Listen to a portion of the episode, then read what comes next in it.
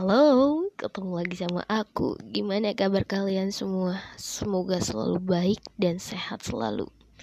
And then aku turut berbelasungkawa atas kejadian bencana alam yang terjadi di Cianjur. Buat kalian yang ditinggalkan keluarga dan sekarang kalian yang sedang ada di pengungsian, semoga kalian selalu baik-baik aja. Dan ya, aku datang ke sini bukan cuma karena pengen nyampein itu, tapi aku juga pengen bilang makasih banyak buat kalian semua yang sudah bertahan sampai detik ini. And then makasih juga buat kalian yang sudah mau mampir ke rumah aku yang kayaknya beberapa bulan sekali aku siaran dan aku juga nggak tahu harus ngomong apa.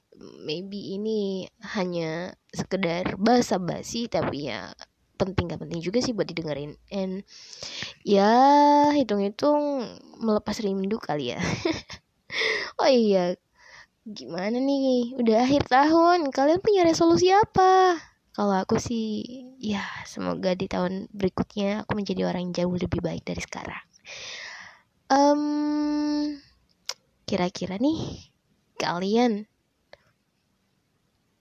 yang paling banget kalian harapkan untuk tahun depan apa? Kalau ada, bisa kali bagi-bagi sama aku. Oh iya, makasih juga udah mampir ke rumah aku yang ini. Rumah aku di podcast C tentunya. And kalau kalian mau ada yang diceritakan ke aku, kalian bisa mampir kok di Instagram aku di @nisa_jihad. Jangan lupa salam-salam kenal aja di sana. Siapa tahu kita ngobrol banyak kan? Oh iya, maaf nih, karena nggak ada kedap suara juga. Jadi mungkin ada kedengaran banget suara lalu lalang motor dan kendaraan yang lainnya. Maybe ada juga dentum jarum jam yang ya kalian you know udah berarti aku lagi ada di mana. Iya, gitu aja kali ya. Hmm, sesi curhat. Maybe nanti kita bisa open question di Instagram aja kali. Gimana?